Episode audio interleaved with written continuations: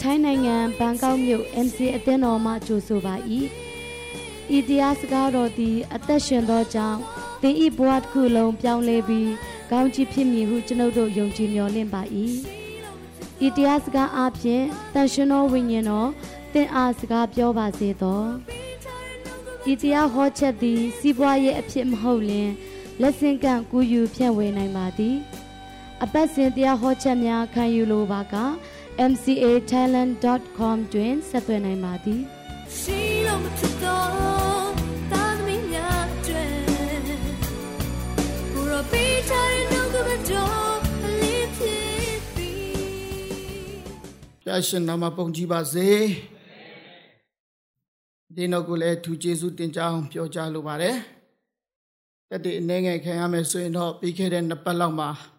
ကျွန်တော်နှစ်ပတ်ကျော်ပေါ့နော်ငါလာပိုင်တွင်းမှာတချလိတ်ကတွေပြီးမှတောင်ကြီးကိုခရီးထွက်တဲ့အခါမှာအင်မတန်မိုးကြီးတဲ့အချိန်ပေါ့နော်မုန်တိုင်းမုန်တိုင်းဆက်ဝင်တဲ့အချိန်ဖြစ်တယ်မြန်မာပြည်မှာဟိုမိုးခါမုန်တိုင်းရှိတယ်လေအဲ့တော့အချိန်ဖြစ်တယ် ဆိုတော့ကားကကားကနည်းနည်းဘာဖြစ်သွားလဲမသိဘူးအတန်ထုံးဆိုပြီးမှអော်ပြီးမှကျွန်တော်တို့ခီးစင်မှာနည်းနည်းလေးရိုင်ပြီးမှကားလမ်းပြီးကတ်သွားတယ်ပေါ့နော်အရန်ကြီးဆိုးဆိုးဝါးဝါတော့မဖြစ်ဘူးပေါ့နည်းနည်းလေးတော့လူတွေကကားတဲ့လူတွေတော့နည်းနည်းလေးစိတ်လှုပ်ရှားမှုလေးတွေတော့ဖြစ်ခဲ့ရတာပေါ့နော်အာကားဘာဖြစ်သွားလဲဆိုအောက်ကပေါ်ဒီဒီဘိန်းနာဆိုင်တဲ့ဥစ္စာတစ်ခုဟိုပျက်စီးသွားတာဖြစ်တယ်တဲ့အဲ့ဒါခီးဆက်လို့မရဘူးဆိုတော့မိုးတွေကလည်းအရန်ရွာတယ်နောက်တဲ့ကားတစ်စီးကိုသူတို့ပြန်ခေါ်တယ်စောင်းရတယ် နောက်တစ်စီးကိုကျွန်တော်တို့ရောက်လာတဲ့အခါမှာလဲအဲ့ဒီမှာကားလန်းတွေကနည်းနည်းကြက်တဲ့အခါမှာနည်းနည်းဝေးတယ်တော့ကျွန်တော်ပြောမှဆိုရင်နည်းနည်းတော့နည်းနည်းလေးတော့ဝေးတယ်ကျွန်တော်ကားကားလန်းစီးဖို့နေအောင်လို့မိုးတော့အရန်ရွာတော့ရွာတော့မိုးမိတာပေါ့ဟိုဒီကျွန်တော်တို့ကားနဲ့လို့တော့ဒီအနှွေးထည်တွေလဲပပလေးပဲဝတ်ထားမိတယ်ပေါ့နော်ဆိုတော့မိုးမိသွားတာမိုးမိပြီးနောက်တစ်ကားလို့တဲ့အခါမှာတော့လဲအဲကွန်းနဲ့အဲကွန်းနဲ့ထီတော့အာကျွန်တော်ကတော့ စိုးရင်လည်းသူများမျိုးရွာသွားတဲ့အခါမှာအထူးသဖြင့်ဖြားမှာစိုးရင်တာလေ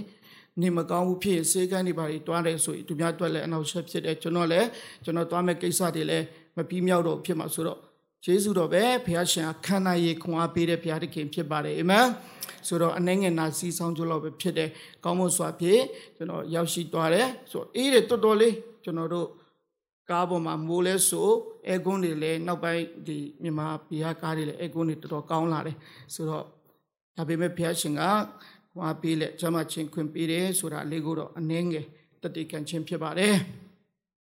ဒီနေ့ထူးတစ်ဖြစ်နှုတ်ကပတ်တော်ကတော့ကလေးများကိုလည်းဒီနေ့ကလေးများနေ့ဖြစ်တယ်ကလေးများကိုလည်းဂုဏ်ပြုခြင်းနဲ့ဆိုတော့ကလေးများနေ့ဆိုင်တဲ့နှုတ်ကပတ်တော်ကိုအတိကဟောပြောသွားခြင်းဖြစ်ပါတယ်ဆိုတော့ဒီနေ့ကိုယ်နဲ့တိုက်ရိုက်တော့ နှုတ်ကပတ်တော်ကကြာချင်မှကြာမယ်တို့တော်လည်းကျွန်တော်တို့ကလေးတွေအတွက်ကျော်ရှိတဲ့ဒီလူငယ်တွေအတွက်ကျွန်တော်တို့တစ်ဆုံတစ်ခုဒီနှုတ်ကပတ်တော်နဲ့ဘယ်လိုစဉ်းစားပေးကြမလဲကျွန်တော်တို့ဒီကလေးတွေပေါ်မှာဘယ်လိုတန်ဖိုးထားကြပေးမလဲဒီနေ့နှုတ်ကပတ်တော်အဖြစ်ကျွန်တော်တို့ဆင်ခြင်သွားဖို့ရအတွက်ဖြစ်ပါတယ်နှုတ်ကပတ်တော်ခေါင်းစဉ်ကတော့ငါထံတို့လာပါလိမ့်စေအခြေပြုကျမ်းကတော့မာကုအခန်းမာကုအခန်းကြီး30အငယ်73 76မှာရှိတယ်လို့ လုကာအခန်းကြီး18အငယ်15 16မှာဒီအဖြစ်ပြက်လေးတွေကိုတွေ့ရမှာဖြစ်ပါတယ်တွေးပြီဆိုရင်ကျွန်တော်နဲ့အတူတကွလိုက်ဖတ်နိုင်ပါတယ်လုကာအခန်းကြီး18အငယ်15ကတည်းစက္ကွန်ဖြစ်ပါတယ်ထိုအခါသူငယ်တို့ကိုလက်တော်နှင့်တိုးစေခြင်းကအထံတော်တို့ဆောင်ခဲ့သည်ကိုတပည့်တော်တို့သည်မြင်လင်အပြစ်တင်ကြ၏ယေရှုသည်ထိုသူငယ်တို့ကိုခေါ်တော်မူ၍ ငါထံသို့လာပါလေစေမစီတားကြနှင့်ဘုရားသခင်ဤနိုင်ငံတော်သည်ထိုတို့တော်သူတို့ဤနိုင်ငံဖြစ်၏ငါမန်ကန်ဆိုဒီကအချင်းတူသည်ဘုရားသခင်ဤနိုင်ငံတော်ကို သူငယ်ကဲ့သို့မခံမယူထိုသူသည်နိုင်ငံတော်သို့မဝင်ရဟုမိန့်တော်မူ၏ဒီနေရာမှာသခင်ယေရှုနဲ့တပည့်တော်ကလေးသူငယ်များအခန်းကဏ္ဍလေးကိုတွေ့ရတာဖြစ်ပါတယ်တပည့်တော်တွေကတော့ကလေးတွေလာတဲ့အခါမှာ အပြစ်မြင်တယ်ပေါ့နော်ဆိုတော့သခင်ယေရှုကအဲ့ဒီအရာကိုကြည့်ပြီးမှအမျက်တော်ထွက်တယ်ကလေးတွေကိုသူတို့အပြစ်မြင်တဲ့အပေါ်မှာသခင်ယေရှုကတပည့်တော်တွေပေါ်မှာပြန်ပြီးအမျက်တော်ထွက်တယ်ဆိုတာကိုနှုတ်ကပတ်တော်ကပြောပြထားပါတယ်အမြင်မတူဘူးတပည့်တော်တွေမြင်တာကဒီကလေးပေါ်မှာသူတို့ကအမြင်တစ်မျိုးဖြစ်တယ်တခင်ယေရှုမြင်တဲ့အမြင်ကလည်းဒီကလေးပေါ်မှာအမြင်တစ်မျိုးဖြစ်တယ်ဒါကြောင့်မို့ယေရှုခရစ်တော်ကတပည့်တော်တွေကိုပြောတယ်မစီးသားနဲ့ဒီကလေးတွေငါထံကိုလာပါစေ သူငယ်တွေဒီနေ့သခင်ယေရှုခရစ်တော်ကိုရောက်ဖို့အရန်ရည်ကြီးတာဖြစ်ပါတယ်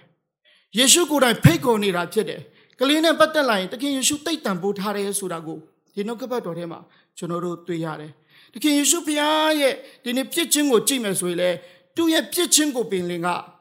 ဖိတ်ခေါ်နေတော့ဖခင်သခင်ဖြစ်တယ်ကြိုးဆူနေတော့ဖခင်ဖြစ်တယ်ဒီနေ့ကလေးတော့ပဲမဟုတ်ပါဘူးဝင်လေးရဲ့ပင်မတော်သူအပေါင်းတို့ငါထံတို့လာကြလောငါဒီ ချမ်းသာပေးမယ်ဝင်လေးတော့သူကိုလည်းဖိတ်ခေါ်နေတဲ့ဘုရားသခင်ဖြစ်တယ်ကျွန်တော်တို့ဘုရားသခင်ရဲ့ဂုံပုတ်ပင်လင်ကျွန်တော်တို့ကိုလက်ခံကြိုဆိုနေတဲ့ဘုရားဖြစ်တယ်မငင်းပယ်တော့ဘုရားသခင်ဖြစ်တယ်မေတ္တာပြနေတော့ဘုရားသခင်ဖြစ်တယ်တန်ဖိုးထားနေတော့ဘုရားသခင်ဖြစ်တယ်အခါတလေကြရင်ကျွန်တော်တို့ကတာကျွန်တော်တို့ကိုကျွန်တော်တို့ကြည်ပြီးမှဖျားနဲ့ဝေးနေရတာဖြစ်ပါတယ်ဒီနေ့တော့ဖျားတခင်ကတော့ကျွန်တော်တို့ကိုအမြဲတမ်းကြိုဆိုလက်ခံပေးနေတဲ့ဖျားဖြစ်တယ်ဆိုတာကို ကျွန်တော်တို့သိမှတ်ဖို့ဖြစ်ပါတယ်ဒီနေရာမှာတော့အထူးသဖြင့်ကလေးတွေပေါ့ကလေးနဲ့ပတ်သက်လာတဲ့အခါမှာမစီသားနဲ့မစီသားနဲ့ဒီຢာလေးကိုကျွန်တော်တို့တွေ့ရပါတယ်ဆိုတော့သခင်ယေရှုရဲ့ကလေးတွေပေါ်မှာထားတဲ့တန်ဖိုးဟာအင်မတန်ကြီးမားလွန်းတယ်ပြီးကျွန်တော်ကလေးငယ်တွေကဲ့တို့လည်းခံယူတတ်ဖို့တော့မှတွင်တင်သေးတယ်နိုင်ငံတော်နဲ့ပတ်သက်ပြီးမှဘာဖြစ်လို့ကလေးငယ်တွေရဲ့စိတ်နှလုံးသားကနှူးညံ့တယ်ပျော့ပြောင်းတယ်အတွင်ပြောင်းလွယ်တယ်ယူသားတယ်ဖြူစင်တယ် ဖြောင်းမတ်တယ်ဒါကလေးငယ်တွေမှာကျွန်တော်တို့တွေးနေရတဲ့သဘောတရားတွေအဲ့ဒီကအရာကတဲ့နိုင်ငံတော်နဲ့ပင်လေဘာဖြစ်လဲပို့ပြီးဆက်တွယ်နေတဲ့နှလုံးသားတွေဖြစ်တယ်ဆိုတာကိုသခင်ယေရှုကတလက်စာထဲမှာတွင်တင်သွားတာကိုတွေ့ရပါတယ်ဆိုတော့ကလေးတွေရဲ့ဘဝကိုကြည့်မယ်ဆိုရင်ကျွန်တော်တို့စာရေးဆရာတချို့တွေကလည်းပြောပါတယ်ကလေးငယ်တွေဟာတဲ့အနာဂတ်တစ်ခုကိုတေပိုးတေဆောင်လာတဲ့လူသားများဖြစ်ကြပါတယ်တဲ့ ဆိုတော့ကလေးငယ်တွေကိုကျွန်တော်ကြည့်တဲ့အခါမှာဒီချိန်မှာတော့သူတို့ကျွန်တော်ငယ်ငယ်လေးတွေ့ရပါတယ်ဒါပေမဲ့ဒီကလေးတွေဟာအနာဂတ်တစ်ခုကိုတေဆောင်ရွက်ဆောင်ဥဆောင်လာမယ်သူတွေဖြစ်တယ်ဒါကြောင့်မို့စကားလေးတစ်ခုကိုကျွန်တော်အရန်ကြိုက်တယ်ကလေးကောင်းပါတဲ့လူငယ်ကောင်းတွေဖြစ်လာမယ်တဲ့လူငယ်ကောင်းမှာလူကြီးကောင်းတွေဖြစ်လာမယ်ဆိုလူကြီးကောင်းတွေရှိတဲ့အရက်မှာပတ်ဝန်းကျင်ကောင်းတွေပို့ပြီးမှ ဖြစ်လာနိုင်စရာအကြောင်းဖြစ်တယ်အတင်းတော်မှာကျွန်တော်တို့ဒီနေ့အာဘယ်ကဏ္ဍမဆိုပတ်ဝန်းကျင်ကဏ္ဍမဆိုနော်နိုင်ငံကဏ္ဍမဆိုစီးပွားရေးကဏ္ဍမဆိုကောင်းတဲ့လူကြီးတွေများလာရင်အဲ့ဒီနေရာမှာတိုးတက်နိုင်စရာအကြောင်းပဲရှိတာဖြစ်တယ်ကျွန်တော်နားလေသဘောပေါက်ပြီးသားဖြစ်ပါတယ်ဒါဆိုခုနစကားရဲ့စက်ကျင်ဘက်ကိုကျွန်တော်တို့ဆင်ခြင်မယ်ဆိုရင်ကလေးငယ်ဆက်ဆက်ကနေကတွေဘဝမှာနာကြည့်မှုတွေနဲ့သူရဲ့ဘဝမှာမကျင်납မှုတွေနဲ့ဖြတ်တန်းလိုက်လူငယ်ဘဝမှာဒါတွေကပေါ်လာမှာပဲ လူကြီးဘဝဆိုရင်သူအာရပရလောက်ပိုင်ခွင့်ရှိတဲ့အချိန်ကျရင်ဒီအရာတွေကလှုပ်ထွားမှာပဲအဲ့ဒီအချိန်ကျရင်အဲ့ဒီနယ်ပယ်တစ်ခုဟာအင်မတန်ကြောက်စရာကောင်းတယ်အင်မတန်ဆိုးရင်စရာကောင်းတယ်ဆိုတာကိုကျွန်တော်တို့စဉ်းစားလို့ရတယ်ဒါရီတကတကယ်ကဘာမှလည်းဖြစ်တတ်ခဲ့တယ်တော့ဟာကျွန်တော်တို့ငယ်စဉ်ကနေကတွေပြီးမှမုံတီစိတ်နဲ့ကြီးလာတဲ့လူတယောက် တနေ့ကျတော့သူအုတ်ချုပ်ရေးမှလည်းခေါင်းဆောင်ကြီးဖြစ်လာတဲ့အခါမှာသူ့အားဖြင့်သူ့ရဲ့မနာလိုမုံတီသူ့ရဲ့ငငယ်ကနေပေါက်ဖွာလာတဲ့တရေတွေကသူလှုပ်ဆောင်နိုင်တဲ့အခါမှာဘာတွေဖြစ်လာလဲဆိုရင်များစွာသောလူတန်းနဲ့ချီအသက်တွေတည်ကြည်ခဲ့ရတယ်ဆိုတာတမိုင်းမှာရှိပါတယ်ထိုနည်း၎င်းပဲငယ်စဉ်ကနေကတည်းပြီးမှမိခင်ရဲ့တွင်တင်မှု တမန်တရားနဲ့တွင်တင်မှုကိုခံယူပြီးမှကြီးထွားလာတဲ့လူတယောက်နိုင်ငံတော်မှာလည်းအယက်အရာခန္ဓာတွေမှာအုပ်ဆိုးလာတဲ့အခါမှာကျတော့တုတ်အားဖြင့်လူတန်းချီဟာတွေကျုံဘဝတွေလွတ်မြောက်တယ်ဆိုတာကိုလည်းကျွန်တော်တို့တမိုင်းတွေမှာတွေ့ရပါတယ်အဲ့ဒါမကတည်းပဲဖယားကိုကိုးဝယ်တော့နိုင်ငံဒီနေ့ we trust in God ဆိုတဲ့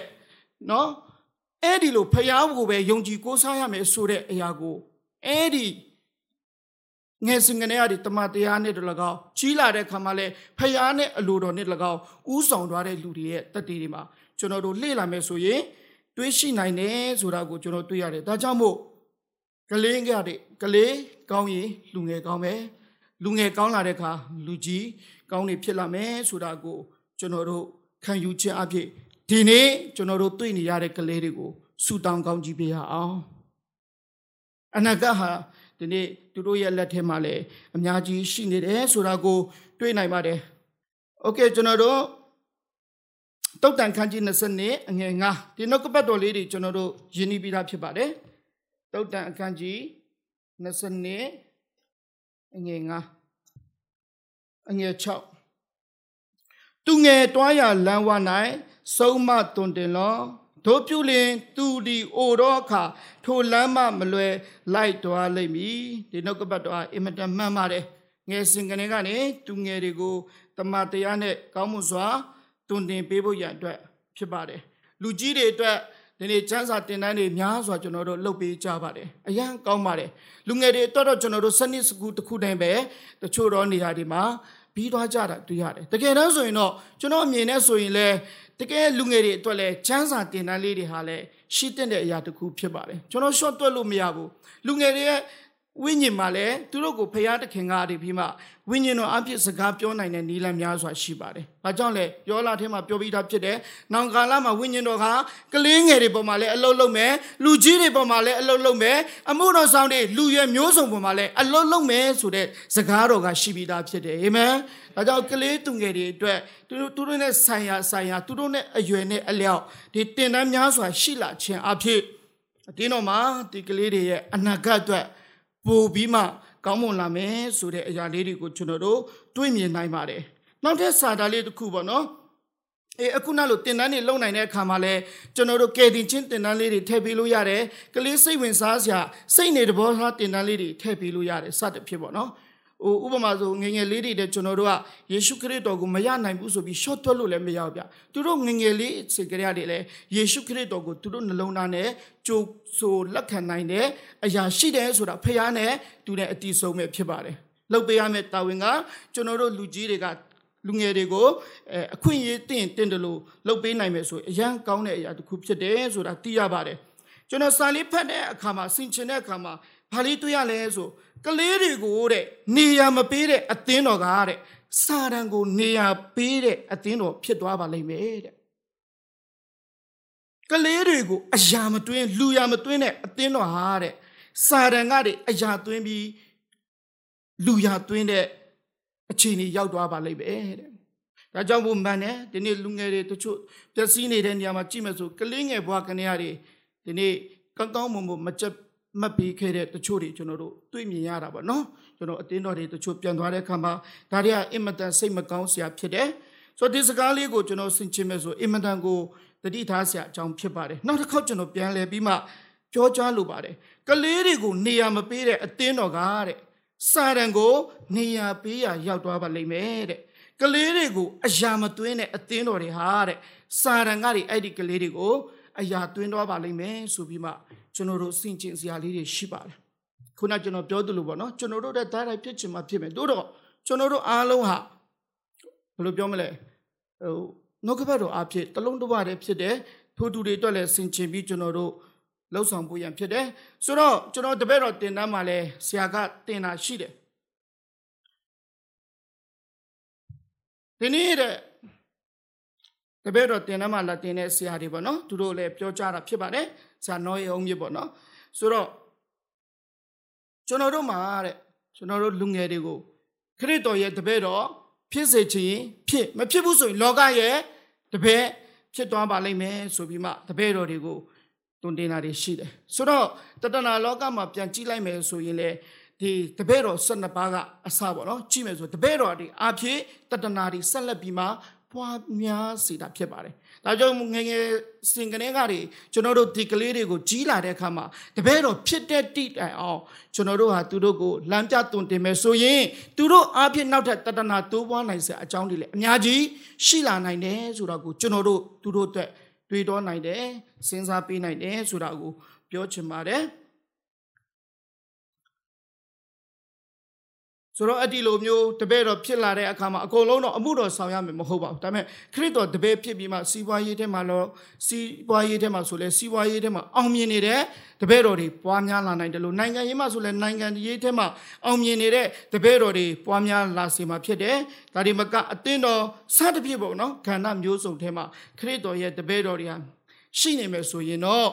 စဉ်းစားရင်ကျွန်တော်တို့ဝမ်းတာဆရာကြီးဖြစ်ပါတယ် ယေရှုခရစ်တော်လှူချင်တာလဲအဲ့ဒီအရာဖြစ်ပါတယ်ဒါဒါကြောင့်မို့တွားရည်လူမျိုးတကာတို့ကိုငါဤတပည့်ဖြစ်စေပါလို့ပဲပြောတာဖြစ်ပါတယ်ထိုဘုရားခင်နာမှာဘုန်းကြီးပါစေဒါကြောင့်ကျွန်တော်တို့အလုပ်တွေကဘာလဲဆိုရင်ကလေးတွေကိုနှုတ်ကပတ်တော်နဲ့တွင်တင်ပေးရမှာဖြစ်တယ်တွင်တင်ပေးရမယ့်လူရဲ့အနေထားပြန်ကြည့်ရင်တွင်တင်နိုင်တဲ့အရာကိုလည်းအရင်ဆုံးကိုယ်တိုင်ခံယူထားရမှာဖြစ်ပါတယ်ဘယ်သူတွေတွင်တင်ပေးရမလဲမိဘတွေဖြစ်တယ်ဆရာတွေဖြစ်တယ်လူကြီးတွေဖြစ်ပါတယ် ဆိုတော့တရားဟောရကြအခန်းကြီး6အငယ်6ခုကိုတစ်ချက်ကြည့်အောင်တွေ့ရင်တော့ဖတ်ဖတ်ပါမယ်နှလုံးသွင်းရမည်ထို့ကဲကြောပြန်ဖတ်ရအောင်နော်ငါးတွေပြန်ဖတ်ရအောင်1 2 3တင်ဤဘုရားသခင်သာရဘုရားစိတ်နှလုံးကျွေးမဲ့အစွမ်းတတိရှိသည်များနေချစ်လော့ယနေ့ငါမာထားသောစကားကိုနှလုံးသွင်းရမည် ထိုစကားကိုတင်ဤသားသမီးတို့အားကြိုးစား၍တွင်တင်ရမည်အိမ်၌ထိုင်လက်နေသည်ဖြစ်စေခရီး၌သွားသည်ဖြစ်စေအိမ်လက်ထားလက်ရှိသည်ဖြစ်စေထိုစကားကိုပြောရမည်အာမင်ဆိုတော့ဘုရားသခင်မှာထားတဲ့စကားဖြစ်တယ်ဣတိလလူမျိုးတွေကိုဒီနေ့ဘုရားသခင်မှာထားသလိုကျွန်တော်တို့ကိုလည်းဒီစကားကမှာထားတဲ့စကားဖြစ်ပါတယ်စူးစမ်း၍တွင်တင်ရမယ်ပြောပါတယ်သားသမီးတွေကိုစူးစမ်းပြီးဒီနေ့ကျွန်တော်တို့ တွင်တင်ပေးနေတလားမောပန်းခြင်းတွေရှိပါတယ်ပင်ပန်းခြင်းတွေရှိတယ်ကိစ္စအဝဝရှိပါတယ်ဒါပေမဲ့ဘုရားစကားကလည်းရှိပါတယ်စူးစမ်း၍တွင်တင်ပါဆိုတဲ့စကားလေးရှိပါတယ်ဆိုတော့အိမ်နိုင်နေသည်ဖြစ်စေခရီးသွားသည်ဖြစ်စေအိတ်လက်နေသည်ဖြစ်စေထားလက်ကျွန်တော်ငယ်ရတော့ဆိုဆိုရင်တချို့တွေမိဘတွေဟိုပုံပြင်လေးတွေလေနော်ဒီစမ်းစာထဲမှာရှိတဲ့အဖြစ်ပြက်လေးတွေပုံပြင်လေးတွေကိုသားသမီးတွေကိုပြောပြီးမှ အဲ့တဲ့အချိန်လေးမှာအဲ့ဒါလေးတွေနဲ့မိတ်ဆက်ပေးတာလည်းရှိတယ်အရန်ကောင်းတာဗောနော်ခုခေတ်မှာတော့ Facebook တွေပေါ်လာတဲ့ဟိုကားတဲ့ဟိုဟာတွေတရားပါလာတော့ဆိုတော့အဲ့တဲ့အရာကိုကျွန်တော်တို့ကသွန်းလေးတွေနဲ့အိတ်ခိုင်းတာတို့တချင်းလေးတွေနဲ့အိတ်ခိုင်းတာတို့များလာတယ်လေနော်ဒါပေမဲ့ဟိုတမတရားအတိုင်းဆိုရင်စူးစမ်းပြီးလုပ်နိုင်မယ်ဆိုရင်တော့သူတို့ကိုအချိန်ပေးပြီးမှဒီနှုတ်ကပတ်တော်လေးတွေနဲ့သူတို့ကိုပြောဆိုခြင်းအဖြစ်အကျိုးရှိစေမယ်ဖြစ်တယ်ဆိုတာကိုကျွန်တော်တို့သိမြင်နိုင်ပါတယ် အဲ့တော့နှုတ်ကပတ်တော်ကောင်းကြီးလဲခံစားရမှာဖြစ်တာပါနော်တတ်တည်ဟိုနှုတ်ကပတ်တော်ဆိုတာကတတ်တည်ဖြစ်လာမှာပဲလေကျွန်တော်လှုပ်ရင်လှုပ်တဲ့အတိုင်းနှုတ်ကပတ်တော်ဆိုတာကဘယ်တော့မှအချိုးမယုတ်ဘူးတတ်တည်နဲ့တကွပြန်လဲပြီးတတ်တည်ခံခွင့်ကိုပေးတာဒီနှုတ်ကပတ်တော်ပဲဖြစ်တယ်ဆိုတော့ကျွန်တော်တို့လှုပ်ဆောင်ခြင်းအပြင်ကောင်းကြီးတွေခံစားနိုင်ပါတယ်ဆိုတာကိုပြောချင်ပါတယ်ဆိုတော့ကျွန်တော်တို့ယောရှုတစ်ရှစ်ထဲမှာဆိုလဲနှုတ်ကပတ်တော်ကိုသူတို့ကိုယဉ်နေခြင်းအဖြစ်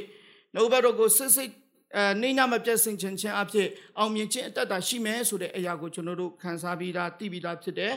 အဲ့ဒါကိုလည်းကျွန်တော်တို့ကိုသူတို့ရဲ့အောင်မြင်ခြင်းလမ်းစာလေးတွေကိုဒီနှုတ်ကပတ်တော်တွေအဖြစ်ကျွန်တော်တို့မိတ်ဆက်ပေးနိုင်တာဖြစ်ပါတယ်နောက်တစ်ချက်တော့ဗာလဲဆိုသူတို့ကိုကျွန်တော်တို့ဖះအကြောင်းတို့ပုတ်ဆိုပို့ဆောင်ရမှာဖြစ်တယ်ကျွန်တော်တို့ကိုယ်တိုင်နံပါတ်1တင်ရမှာဖြစ်တယ်မိဘတွေနံပါတ်1တင်ရမှာဖြစ်တယ်နောက်တစ်ခုကတော့အသင်းတော်ကလှုပ်ပေးနေတဲ့ဆရာသမားတွေရဲ့တင် जा ပေးနေတဲ့နေရာကိုလည်းကျွန်တော်တို့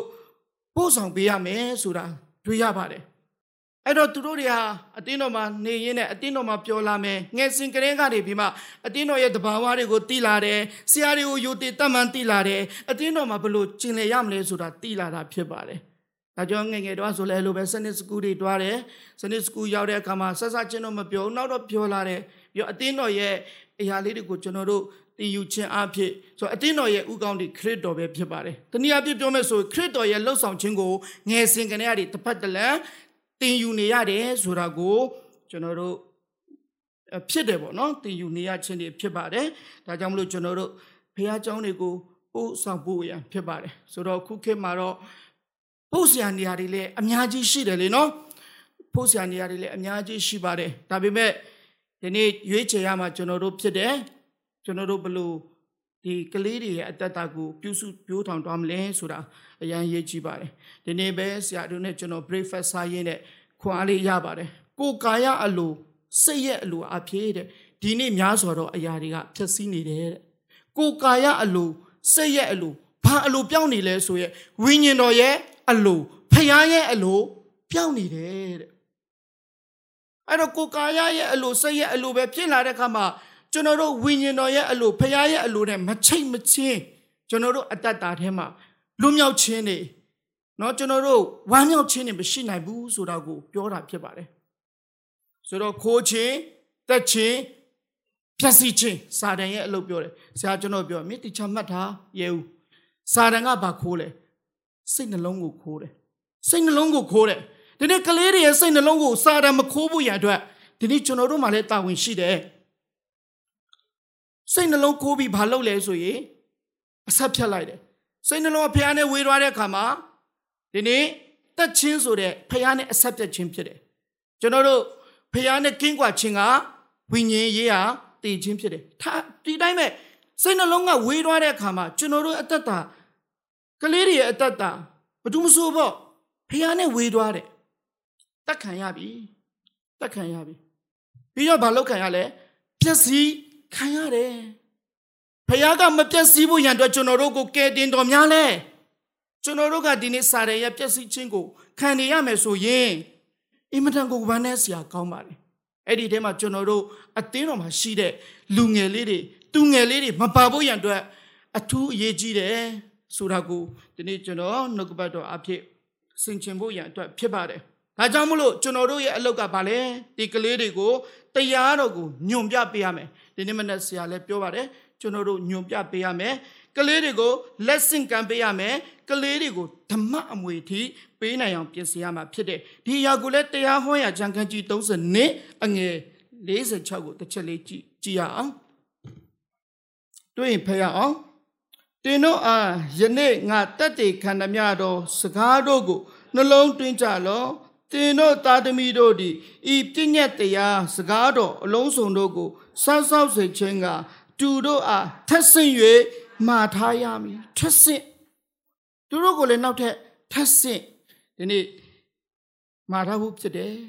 လက်ဆင့်ကမ်းခြင်းဓမ္မအမွေပေးခြင်းလောကအမွေတွေကျွန်တော်တို့ပေးမှာပါမိဘအတိုင်းကကိုယ်သားသမီးကိုမပေးချင်တဲ့လူမရှိပါဘူးရှိရင်ပေးမှာပါမိဘတွေဆိုတာအသက်ပေးဖို့ထီအောင် ဝင်မလေးတဲ့မိဘတွေရှိပါတယ်အားလုံးတော့မဆိုလို့ဘူးပေါ့နော်ဒါပေမဲ့အဲ့လိုမျိုးရှိပါတယ်ဒါပေမဲ့လောကအမွေဘယ်လောက်ပေးပေးဓမ္မအမွေမပေးနိုင်ရင်ကျွန်တော်တို့ဒီလောကအမွေအဖြစ်ဒီကလေးတွေတော့မှဘဝဘဝမှာမထိမ့်တက်ရင်ပျက်စီးနိုင်စရာအကြောင်းရှိတယ်ဒါပေမဲ့ဓမ္မအမွေရထားတဲ့ကလေးတွေဟာလောကအမွေရလာခဲ့ရင်လေအဲ့ဒီအရာအဖြစ်ထိမ့်သိမ့်နိုင်မယ်ဆိုတာကိုယုံပါတယ်ဘာကြောင့်လဲသူဟာနှုတ်ကပတ်တော်ရှိတယ်ဖျားရှိတယ်တက် ဘယ်လိုပြောမလဲသူဖျားနဲ့ဆက်တွေ့ထားတဲ့အတွက်ကြောင့်မလို့ဒီအရာအားလုံးကိုဆက်လက်ပြီးသူတန်ဖိုးထားမယ်ကင်တွေအကောင်းဆုံးသူလှုပ်သွားနိုင်မယ်ဆိုတာကိုကျွန်တော်တို့တွေးတောနိုင်ပါတယ်ဒါကြောင့်မို့လို့ကျွန်တော်တို့ကလေးတွေကိုလည်းဓမ္မအမွေတွေပေးဖို့ရန်အတွက်ရည်ကြည်တယ်နောက်တစ်ခုကဘာလဲဆိုရင်တော့ကလေးသူငယ်များကိုမဖြက်စီနဲ့မထီမြက်မြေမဖြူနဲ့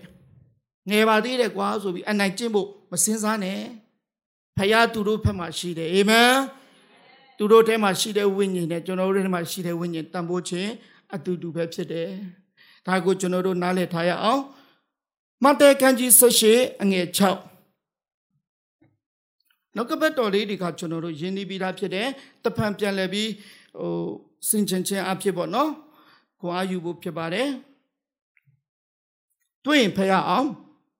ငါကိုယုံကြည်သောဤသူငယ်တစုံတယောက်ကို အကျဉ်တူသည်မာယွန်းစေ၏ထိုတူသည်လေပင်း၌ကျိတ်ဆုံကြောက်ကိုဆွဲလက်နတ်နေသောပင်လေ၌နှိမ့်မြုပ်ခြင်းကိုခံရလေအနေတာ၍ကောင်း၏ဆိုတော့ဒီမှာသူငယ်ဆိုတာဝိညာဉ်ရသူငယ်အရွယ်လည်းပြောနိုင်တယ်လို့ကလေးသူငယ်အရွယ်လည်းဖြစ်ပါတယ်ဆိုတော့ဘလို့အရွယ်လေးဖြစ်သူငယ်အရွယ်တွေကိုတဲ့ပြစ်မှားစေတဲ့လူကတဲ့ဘလို့မျိုးအဆုံးစီရင်လိုက်ကောင်းလဲဆိုတော့သူကလည်းသူလေပင်မှာ ကျိတ်ဆုံကိုဆွဲပြီးမှပင်လေထဲမှာနစ်လိုက်တာကောင်းတယ်မရှိတာကောင်းတယ်ပေါ့ပြောချင်တာကတော့နော်ကလေးတွေကိုအလကပြစ်မှားမဲ့စားအဲ့လိုမရှိတာကောင်းတယ်ဆိုတဲ့သဘောမျိုးပဲကျွန်တော်တွေးမိပါတယ်ရှိတယ်နော်ကလေးတွေကိုလေကျွန်တော်တို့လည်းဖြတ်သန်းခဲ့ဘူးတယ်အဲ့ဦးလေးတယောက်ဆိုလေကျွန်တော်တို့တွေ့ရင်ဘာဖြစ်လဲမသိဘူးအကောင်းလည်းမပြောအဲ့တော့တော့သူကစီးပွားရေးအဆင်ပြေတဲ့အချိန်အောင်မြင်တဲ့အချိန် အဲကျွန်တော်တို့လည်းနည်းနည်းပါတာရေးပုတ်ခတ်ချင်တဲ့အချိန်လေးပေါ့နော်ဟာကျွန်တော်တို့ကိုဘယ်လိုပြောမလဲမတိမဲ့မြင်ပြုတ်တယ်အပြစ်ပြောတယ်အပြစ်လည်းအယမ်းမြင်တယ်ဒါလည်းဆဲတယ်ကျွန်တော်တို့လေခဏလည်းဆဲခံရတယ်ဆိုတော့ကျွန်တော်တို့မချစ်ဘူးပေါ့ဗျာသူ့ကိုမချစ်ဘူးပေါ့ပြောမယ်ဆိုရင်တော့နော်အပြစ်မြင်အပြစ်ပြောခံရတယ်နှိမ်လဲနှိမ်ခံရတယ်ဟွန်းဘဝမှာနှိမ်လဲနှိမ်ခံရတယ်အာအဲ့ဦးလေးတယောက်တော်တော်ဆိုးတယ်ပေါ့အစင်မပြေဘူးပေါ့နော်ဆိုတော့ လူကြီးတွေတတိထားဖို့ပါအာအဲ့ဒါနဲ့အခုတော့ကျွန်တော်လည်းရွက်ကြီးလာတဲ့အခါကျတော့သူ့ကိုပြန်တွေ့တယ်ဗျသူ့ကိုပြန်တွေ့ရတော့အခုချိန်မှာတော့စီဝါရေးလည်းအစင်မပြေဘူးတနာဖို့ကောင်းတယ်ဒါပေမဲ့သူ့နာမှာလည်းဘယ်သူမှမရှိဘူးနားမှာလည်းဘယ်သူမှမရှိဘူးဆိုတော့ကျွန်တော်ပဲဖြစ်သလားဆိုတော့ကျွန်တော်ညီကိုတွေကိုနည်းနည်းမေးကြည့်တော့လေအတူတူပဲဗျဒါဆိုရင်တော့နည်းနည်းအေးပေါ့ငါပဲဖြစ်တာမဟုတ်ဘူးပေါ့နော်တို့မို့ရင် စဉ်းစားနေတာငါပဲအရန်ဆိုးနေတလားပြန်ဖြစ်သွားမှာဆိုလို့လေဒါမဲ့ကျွန်တော်ပါတွေးတော့မိလဲဆိုဩဘဝမှာအသက်ရှင်နေပေမဲ့ဘဝတည်တူလို့ဖြစ်သွားတယ်ဘာကိုဒီနေ့နှုတ်ကပတ်တော်နဲ့ချိန်တိုးမိလဲဆိုတော့သူငယ်တွေကိုဒီနေ့အထင်မသေးမိဖို့အရေးကြီးတယ်မနိုင်ဖို့အရေးကြီးတယ်ဆိုတော့တကယ်လို့ဒါလို့ကျွန်တော်ခင်မင်းနဲ့ဦးလေးဖြစ်တယ်ငယ်ငယ်ကလေးကျွန်တော်တို့ကိုလည်းဒီနေ့ နော်မြတ်တာနဲ့ဆက်ဆံတယ်ကောင်းကောင်းမွန်မွန်လှုပ်ဆောင်တယ်ဆိုကျွန်တော်အရွယ်ကြီးလာတယ်သူပြန်တွေးတဲ့အခါမှာကျွန်တော်နွေ့နွေ့ထွတ်ထွတ်နဲ့စကားပြောချင်းအသက်နိုင်ဆုံးပေါ့နော်ဖိမချင်းတွေရှိမှာပေါ့နော်အဲ့လိုမျိုးတွေခံစားမှာကျွန်တော်ပဲမဟုတ်ဘူးကျွန်တော်ညီကိုတွေအဲ့လိုမျိုးဖြစ်နိုင်တာပေါ့နော်ဒါလေးတွေကတတ္တိတရကရှိတယ်ဒါကြောင့်မို့ကျွန်တော်ကလေးနဲ့ပတ်သက်လာတဲ့အခါမှာအထူးသဖြင့်ဆင်ခြင်ဖို့ရန်ဖြစ်တယ်ဒါကြောင့်ကျွန်တော်တို့ဒီနှုတ်ကပတ်တော်ကလည်းတွင်တင်ပေးထားတာဖြစ်တယ်ပေါ့နော် အဲ့ဒါလေးတွေကိုဆင်ခြင်ခြင်းအဖြစ်ဒီနေ့ကျွန်တော်တို့အထူးသဖြင့်ကလေးတွေအတွက်တာ၍ဘလို့လှုပ်ဆောင်ပေးကြမလဲဆိုတာကိုအတိကကျွန်တော်တို့စဉ်းစားဖို့အတွက်ဖြစ်ပါတယ်နောက်ချက်ကတော့ဗာလဲဆိုရင်တော့တမန်ကျမ်းစာထဲမှာရှိတဲ့ကလေးတွေကိုဘုရားတကယ်အသုံးပြုခြင်းဆိုတဲ့အပိုင်းလေးကိုအနေငယ်ပြောပြချင်ပါတယ်ကလေးတွေကိုတမန်ကျမ်းစာထဲမှာအသုံးပြုထားတာတွေ့ရပါတယ်တော်တော်များများတွေ့ရတယ်ဒါပေမဲ့ကျွန်တော်ကအချိန်တွေလည်းအကန့်အသတ်ရှိတော့ကြောင့်သုံးဦးအကြောင်းပဲပြောမှာဖြစ်ပါတယ် ဆိုတော့နံပါတ်1ကတော့ဘာတူလဲဆိုတော့ယောဟန်ခန်းကြီး6ငယ်9ဘာဖြစ်ပြက်လင်းလဲဆိုတော့မုံငါးလုံးနဲ့ငါးလက်ကောင်ချီးမွမ်းပွဲနမိတ်လက္ခဏာပွဲယေရှုနဲ့တပည့်တော်တွေဖြစ်စဉ်တပည့်တော်တွေကဒီလူတွေကိုဘယ်လိုကြွေးမွေးတော့မလဲကိုတော့လူ9000နဲတာမဟုတ်ဘူးလူ9000နော်ဟိုးနဲတာမဟုတ်အခုပွဲတစ်ပွဲလူ9000ပွဲလုပ်ဖို့ဆိုတာနဲတဲ့ကုန်ကြစရိတ်တွေမဟုတ်ဘူးအခုဒီမှာလဲနဲတဲ့ဟာမဟုတ်ဘူးကျွေးမွေးရတော့မယ် လက်ထဲမှာလဲငွေတွေမရှိတော့ဘူးတပည့်တော်ဘယ်လိုကျွေးမလဲဖြစ်နေတဲ့အချိန်ဖြစ်တယ်ဒီဖြစ်ပြအားလုံးရင်းနှီးပြီးသားဖြစ်ပါတယ်ဒါပေမဲ့အဲ့ဒီအပွဲကြီးကအပိတ်မှာကနမိတ်လက္ခဏာကြီးနဲ့ပြီးသွားတာဗျဒါဒီမကတွေပဲအပိုလဲပဲနှစ်တောင်းလဲဆိုရင်12တောင်းအဲ့ဒီမုတ်လေးကဘဒုနာထွက်လာလဲဆိုရင်တူငယ်လေးစီကထွက်လာတာဖြစ်တယ်အာမင်ညှို့ဝတ်ထားတာပေါ့ဒါပေမဲ့အဲ့ဒီအစာကဘယ်မှာလဲဆိုရင် သူငယ်လေးစီမှာပါလာတဲ့မုတ်ကိုယေရှုကယူပြီးမှချီးမွမ်းလိုက်တာဖြစ်တယ်။အော်တမန်ကျမ်းစာထဲမှာသခင်ယေရှုကသူငယ်တွေနဲ့ပတ်သက်ပြီးမှလဲသူရဲ့နမိတ်လက္ခဏာနော်အဲ့ဒီနေရာမှာရှိတဲ့လူတွေလည်းဘလောက်အံ့ဩကြမလဲနော်ပွားများခြင်းတက်တွေခံသွားရတယ်သူငယ်လေးကိုလည်းအသုံးပြုတယ်တက်တွေရှိပါတယ်အဲ့ဒါတစ်ချက်ဖြစ်ပါတယ်အဲကြောင့်ကျွန်တော်တို့သူငယ်တွေကိုလည်းဖခင်အသုံးပြုနိုင်တယ်ဆိုတဲ့အချက်ဖြစ်တယ်လို့ နောက်တစ်ချက်ကတော့ဗာလဲဆိုရင်ဆန်ဆုံတက်တာဖြစ်ပါတယ်ဆန်ဆုံတရားသူကြီးအခန်းကြီး16အငယ်26တရားသူကြီးမတ်စာတရားသူကြီးမတ်စာအခန်းကြီး16အငယ်26ဆန်ဆုံရဲ့ကြကြရှုံခံဖြစ်ပါတယ်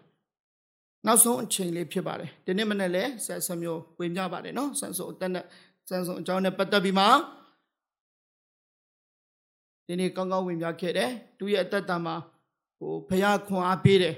ငါဇလိလူဖြစ်တယ်တန်ရှင်းစေတဲ့အမျိုးဖြစ်တယ်ဒါပေမဲ့အလိုတော်အတိုင်းအသက်မရှင်ဘူးအသက်မရှင်တဲ့အခါမှာသူရဲ့ဏီကုံဟာလည်းမလှပဘူးပေါ့နော်ဒီခဏလေးဖြစ်ပါတယ်အဲ့ဒီအချိန်မှာဆွန်ဆုံရဲ့ခွန်အားလည်းမရှိတော့ညလုံးလဲဖောက်ခံရပြီဒီနေ့ဆရာပြောတာကတော့အိတ်တယ် အိတ်ပြီးမှရိတ်ခံရတယ်ဖြတ်ခံရတယ်နော်ဖောက်ခံရတယ်ဖန်ချုပ်ခံရတယ်စသဖြင့်ပေါ့နော်ဆွန်ဆိုရဲ့ထက်တာနောက်ဆုံးဘာမှခွန်အားရစရာအကြောင်းမရှိတော့အချိန်ကာလဖြစ်ပါတယ်ဒါကြောင့်ကျွန်တော်တို့လည်းတစ်ခါတလေဆန်ဆုံအဖြစ်ဆင်ခြင်ရမယ့်အပိုင်းတွေတော့ဖျားပေးနိုင်တဲ့ဖျားပေးနေတဲ့အချိန်အစွမ်းခွန်အားတွေရှိတဲ့အချိန်မှာအကောင်းဆုံးစက္ကပ်ဖို့ပဲဖြစ်တယ်အာမင်အာနောက်ဆုံးနောက်တရပြီးမှမလုံနိုင်တဲ့အချိန်ထက်စာရင်တော့ အဲ့လိုချိန်မှာနောက်တရမရရဘူးကျွန်တော်မပြောပါဘူးအဲ့ဒါတည်းစာရင်တော့ကျွန်တော်တို့ကြိုတိပြီးသားဖြစ်တယ်အကောင်းဆုံးအချိန်အကောင်းဆုံးကျွန်တော်တို့ရဲ့လုံနိုင်ခြင်းတွေကိုဖះကိုပေးလိုက်ရင်တော့ပို့ပြီးမှအဲ့ဒီအရာအဖြစ်ဘုန်းတော်တင်ရှားမှာဖြစ်ပါတယ်ဒါပေမဲ့ဆန်ဆုံတက်တော့ဖះမခင်မပြစ်ထားပါဘူးဖះအင်မတန်ကောင်းမြတ်တဲ့ဖះတခင်ဖြစ်တယ်နောက်ဆုံးချိန်တိတိုင်အောင်ကျွန်တော်တို့ရဲ့ဆုတောင်းတန်ကိုနားထောင်ပေးတာထာဝရဘုရားသခင်ပဲဖြစ်ပါတယ်နောက်ဆုံးတိုင်အောင်ဘုရားသခင်ကကျွန်တော်တို့ရဲ့ ဆုတောင်းတဲ့အတန်လေးတုသားသမီးတွေသူ့ကိုပြန်လဲပြီးလှည့်လာမယ်အတန်လေးတော်မှဖယားကလေနားစွင့်နေတဲ့ဖယားသခင်ဖြစ်ပါတယ်အာမင်ဆွန်ဆွန်ရဲ့တတ်တာတော့အမတန်တော့ဆိုးရွားတာပေါ့နော်တော်တော်လေးခွန်အားရစရာမရှိတော့ဒါပေမဲ့သူလေဖယားကိုတတိရတယ်ဖယားကိုနောက်ဆုံးဆုတောင်းတယ်ကိုတော့ကျွန်တော်ကိုဒီတစ်ချိန်ခွန်အားပေးမယ်ဆိုရင်ကျွန်တော်နောက်ဆုံးသူလဲတွိုင်းတွိုင်းရပါစေရှုံတော့ပါစေအကုန်လုံးနောက်ဆုံးအောင်ပွဲလေးခံသွားစီခြင်းတယ် ဖယားတခင်သူ့ကိုအခွင့်ပေးတယ်နော်အရာကျွန်တော်ဖယားတခင်ကိုကျေးဇူးတင်တယ်မထိုက်မတန်စွန့်ပစ်ခံရတယ်ဟိုနော်ဂယုနာတော့ပေါ့ဖယားရဲ့ဂယုနာတော့မထိုက်မတန်တကယ်ကိုစုံစုံတွားပါလဲနဲ့မစုံတွားစေတာကဖယားရဲ့ဂယုနာတော့ဖြစ်ပါတယ်ဆိုတော့အကြောင်းလေးပြန်ဆက်မယ်ဆိုရင်တော့ဆန်ဆုံကနောက်ဆုံးတောင်းတဲ့အခါမှာဖယားတခင်သူ့ခွန်အားပေးရမယ့်အခါမှာသူကဘသူကသူ့ကိုတိုင်နာခေါ်တော့ပြီးလဲဆိုရင် တူငယ်လေးပဲဖြစ်ပါတယ်အဲ့တိုင်ကိုပြိုလဲဖို့ရန်အတွက်အဲ့တိုင်အနာထိရောက်ဖို့ဆွန်ဆုံမမျက်စိမှမတွေ့တော့တာမမြင်နိုင်တော့ဘူးသူမတွားနိုင်တော့ဘူးအဲ့ဒီအချိန်မှာအဲ့ဒီတိုင်နာကိုခေါ်တော့ပေးတာတူငယ်လေးပဲဖြစ်ပါတယ်ဟာအဲ့ဒီချိန်မှာလူကြီးကိုခေါ်ထားလိုက်ပို့ဆိုးမှာကဲရက်ခံရမှာရိုက်ခံမင်းဘာတော့လုံးမလဲဒါပေမဲ့တူငယ်လေးဖြစ်ပါတယ်အဲ့ဒီတူငယ်လေးကအဲ့တိုင်ကိုခေါ်တော့ခြင်းအဖြစ်သူလည်းနောက်ဆုံးခွန်အားအဖြစ်လဲပြိုလိုက်တဲ့အခါမှာဖိလိတိလူတွေ နောက်ဆုံးတေးကြီးပျက်စီးသွားရတာဖြစ်ပါတယ်။ယန်သူကိုအောင်နိုင်ခွင့်ရသွားတာဖြစ်ပါတယ်။အာမင်။အဲ့ဒီနေရာလေးမှာ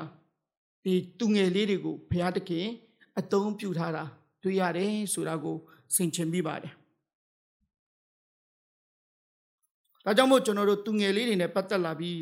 ဆိုရင်သခင်ယေရှုတိတ်တန်ဖိုးထားတယ်။ဘုရားသခင်တိတ်တန်ဖိုးထားတယ်။ကျွန်တော်တို့လည်းတိတ်တန်ဖိုးထားဖို့ရန်အတွက်ပြင်ဆင်ဖို့ရန်ဖြစ်ပါတယ်။ အဖြစ်ပြက်လေးတစ်ခုပေါ့နော်ကျွန်တော်ကြားဘူးတာလေးဖြစ်တယ်ကျွန်တော်လည်းဒီဥစ္စာကိုကျွန်တော်ကျွန်တော်ကိုယ်တိုင်လည်းကလေးပြုစုရေးကျောင်းကကြီးလာတဲ့သူတယောက်ဖြစ်တယ်ငငယ်ကနေရနေခဲ့တဲ့လူဖြစ်တယ်ကျွန်တော်ရောက်တဲ့တိုင်းမှာဒီအဖြစ်ပြက်လေးတော့ဝင်မြဘူးတယ်ကျွန်တော်လည်းအရန်ကြိုက်တာဖြစ်တယ်ကလေးတယောက်ရဲ့ယူပါယုံအိမ်မက်လေးပေါ့85ပြားဆိုတဲ့ဒီ message လေးဖြစ်တယ်ဘလို့အကြောင်းအရာလေးလဲဆိုတော့ IDP နယ်မှာရှိတဲ့ပြည်နယ်မြို့တွေတော့မေးသွားတယ်အဲ့ပြည်နယ်မှာရှိတဲ့ နေရာလေးမှာအတင်းတော်ရှိတယ်စနစ်စကူရှိတယ်အတင်းစနစ်စကူအခန်းလေးကကျင်းတယ်စနစ်စကူဆရာမကကလေးတွေကိုနိုးထားမှုတဲ့တင်တယ်ကလေးတွေကလည်းဖះကိုချစ်လာတယ်ယူပါယုံအိမ်မက်တွေเนาะကလေးတွေကိုလည်းစွတ်တောင်းမှုပေါ့เนาะဖះနဲ့ပတ်သက်ပြီးမှတခုခုဟိုရင်မချက်တွေထားဖို့ ਨੇ ဖြစ်စေခြင်းတဲ့အရာလေးတွေဖြစ်ဖို့အတွက်ကလေးတွေကိုသူတို့ကတွင်တင်ပေးတယ်အဲ့ဒီကလေးလေးကဘာကိုပြင်ဆင်ထားလဲဆိုတော့စုဘူးလေးစုပြီးမှအဲ့ဒီထဲမှာသူကဒီအကျွေးစီလေးတွေထည့်တယ်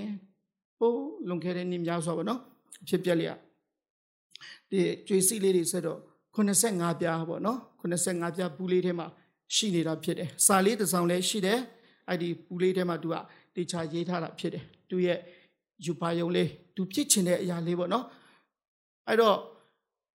ဂျာမီအဲ့ဒီရက်ကွက်မှာကတ်တစ်ခုကတ်ဆိုးတစ်ခုရောက်လာတယ်အော်စိတ်ဝမ်းနေစရာမထင်မှတ်ထားပဲနဲ့အဲ့ဒီကလေးလေးကအဲ့ဒီကတ်ဆိုးနဲ့ဆုံးပါသွားရတယ် အဲ့ဒီအချိန်မှာကလေးလေးရဲ့ပစ္စည်းတွေလှုပ်ရင်းနဲ့စုဘူးလေးတွေ့တယ်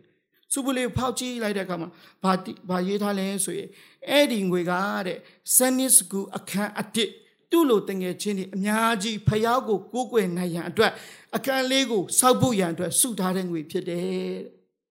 ဟာအဲ့မှာရှိတဲ့လူတွေအားလုံးငါတို့တော့မစင်စားမိတဲ့အရာတိကလေးလေးစဉ်းစားတယ်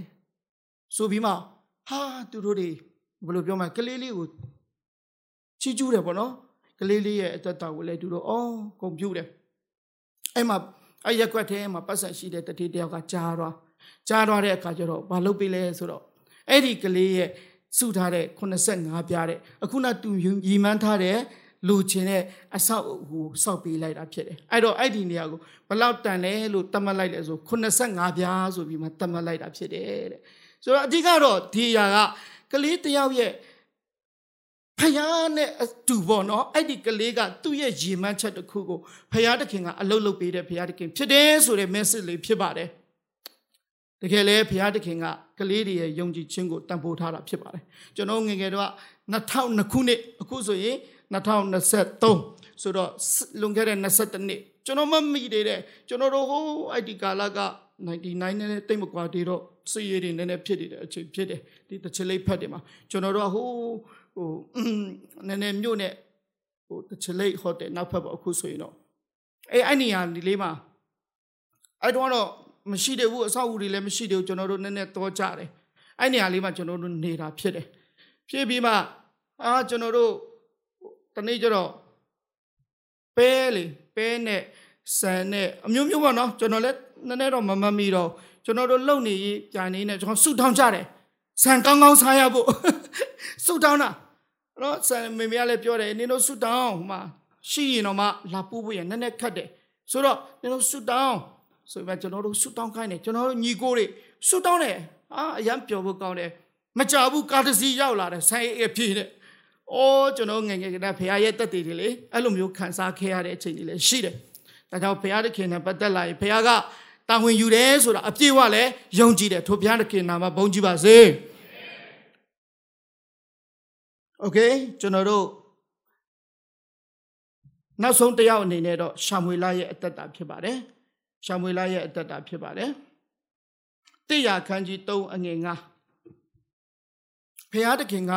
သူငယ်တွေကိုလည်းတိုင်တိုင်စကားပြောနိုင်တဲ့ဖရာဖြစ်တယ်။တိရခန်းကြီး 3အငယ်9ဒီအဖြစ်ပြက်လေးကတော့ရှာမွေလာကတည်းပြီးမှဒီနေ့အေလိနဲ့နေတယ်ဗိမာန်တော်မှာနေတဲ့အချိန်ဖြစ်တယ်သူ့ရဲ့အကြောင်းအနှဲငယ်ပြောမယ်ဆိုရင်သူ့ရဲ့မိခင်ဟာနာဖြစ်တယ်သူကိုအင်မတန်လိုချင်လွန်းလို့ဗိမာန်တော်မှာတကယ်အကြီးကျယ်ပေါ့နော်တကယ်မျက်ရည်ကျလက်ဆူတောင်းတဲ့အဆင့်တီဖြစ်တယ်ဖခင်ကပေးပါတယ်ဟာနာရဲ့ဆူတောင်းတန်ကို နားထောင်ပြီးနားညောင်းပြီးမှဘုရားသခင်ကအဖြေပေးတယ်အဲ့ဒီကလေးကိုပြန်လဲပြီးမှဗိမာန်တော်မှာဆက်ကတ်တယ်ဆိုတဲ့ဆက်ကတ်တယ်ပေါ့နော်ဒီကလေးကိုမိခင်ကဒီဆက်ကတ်ထားတဲ့ကလေးဖြစ်ပါတယ်ဒီနေ့ကျွန်တော်ကလေးတွေကိုလည်းဆက်ကတ်ခြင်းကမင်္ဂလာဖြစ်ပါတယ်ဆိုတော့အဲ့ဒီနေရာမှာတော့တကယ်ဖခင်နဲ့တိုင်ပင်ပြီးမှဖခင်အတန်ကိုနားထောင်ပြီးမှစက္ကက်ချင်းအမှုပြုရင်တော့ပိုကောင်းတာပေါ့နော်ဆိုတော့ဒီနေရာမှာတော့ရှမွေလဟာစက္ကက်ထားတော့ကလေးလေးဖြစ်တယ်အဲ့ဒီချိန်မှာအေလီနဲ့ဒီအဖြစ်ပြက်လေးကတော့ ညတညကျတော့ဖခင်ကခေါ်တယ်ရှမွေလရှမွေလခေါ်တော့ရှမွေလအထင်ကနော်သူ့ရဲ့ property ဟိုဆရာကြီးပေါ့နော်အခုစကားပြောမယ်ဆိုရင်အဲ့ဒါခေါ်တယ်ထင်ပြီးမှသွားထူးတယ်မဟုတ်ဘူးပြန်ပြောတယ်ဟာအဲ့ဒါနောက်တစ်ခေါက်ပြန်ချတယ်ရှမွေလရှမွေလခေါ်တယ်တော့တော့ပြန်မေးတယ်အေလီကိုမဟုတ်ဘူးငါခေါ်တာမဟုတ်ဘူးဆိုပြီးမှပြန်ပြောတယ်တာတရားချင်းလေဖြစ်လာတဲ့အခါကျတော့ အေလိယရိပ်မိပြီးဖခင်သူ့ကိုစကားပြောတော့မယ်အေလိကရိပ်မိတဲ့အခါမှာရှမွေလဒီတစ်ခါတော့မင်းခေါ်လာတဲ့အခါအကျွန်ုပ်ရှိပါတယ်ဘုရားတခင်ဆိုပြီးမှပြန်ထူလိုက်ပါဘုရားမင်းကိုစကားပြောမယ်ဆိုပြီးမှအဲ့ဒီအချိန်မှာဒီတစ်ခေါက်ရှမွေလာဟာလည်းပြန်လဲပြီးမှ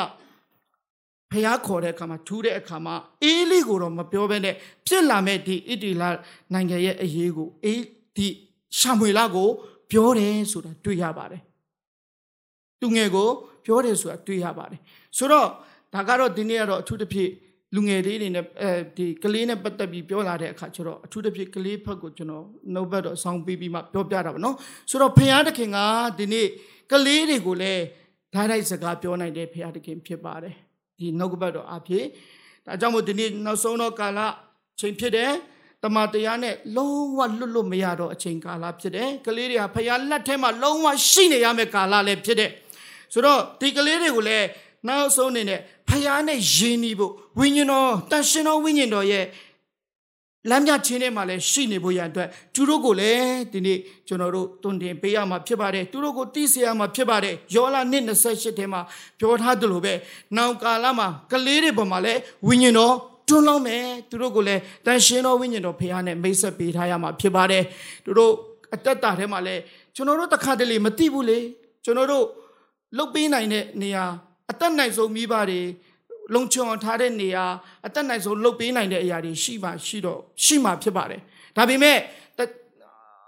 နေရာတိုင်းကကျွန်တော်တို့အားလုံးလိုက်မလုံနိုင်ဘူးဆိုတာသိတာ သိပြီးသားဖြစ်ပါတယ်အဲ့ဒီအချိန်မှာအရေးကြီးဆုံးကအဲ့ဒီကလေးရဲ့အတ္တတာဝိညာဉ်တော်ဖခင်ကပဲစောင့်ထိန်ပေးဖို့ရန်အတွက်ကျွန်တော်တို့လက်တော်ထဲအနံ့ရမှာဖြစ်တယ်အာမင်ဒါကြောင့်မို့ဝိညာဉ်တော်ဖခင်ကလည်းဒီနေ့ငယ်စဉ်ကလေးကဒီကလေးတွေရဲ့အတ္တတာမှာသူတို့နားလည်နိုင်တဲ့လောက်ကျွန်တော်တို့မိတ်ဆက်ထားပေးဖို့လိုနေတာဖြစ်ပါတယ်လို့ပြောပြချင်ပါတယ်ဒါကြောင့်မို့တခင်ယေရှုကတော့သူငယ်တို့ငါထံလာပါလိမ့်စေသူငယ်တွေအဖြစ်ဖခင်အလုံးလုံးမဲ့ခန္ဓာတွေအများကြီးရှိတယ်သူငယ်တွေကိုနောက်ဆုံးမှာဘာလုပ်လိုက်လဲဆိုရင်တခင်ယေရှုက ကောင်းကြီးပေးတယ်ဒီနေ့ကျွန်တော်တို့သူငယ်တွေကိုကောင်းကြီးပေးရအောင်သူငယ်တွေကိုကောင်းကြီးပေးရအောင်ကောင်းကြီးပေးခြင်းခံရတဲ့ကလေးကကောင်းကြီးခံစားဖို့ရန်အကြောင်းပဲဖြစ်လာမှာဖြစ်တယ်အဲကြောင့်မို့ကျွန်တော်တို့တဖန်ပေါ့နော်လူငယ်တွေသူငယ်တွေအတွက်ကျွန်တော်တို့ဒီနှုတ်ဘတ်တော်အဖြစ်ခွန်အားပေးပါတယ်လို့အရောက်စီတိုင်းဖျားရှင်ကောင်းကြီးပေးပါစေ။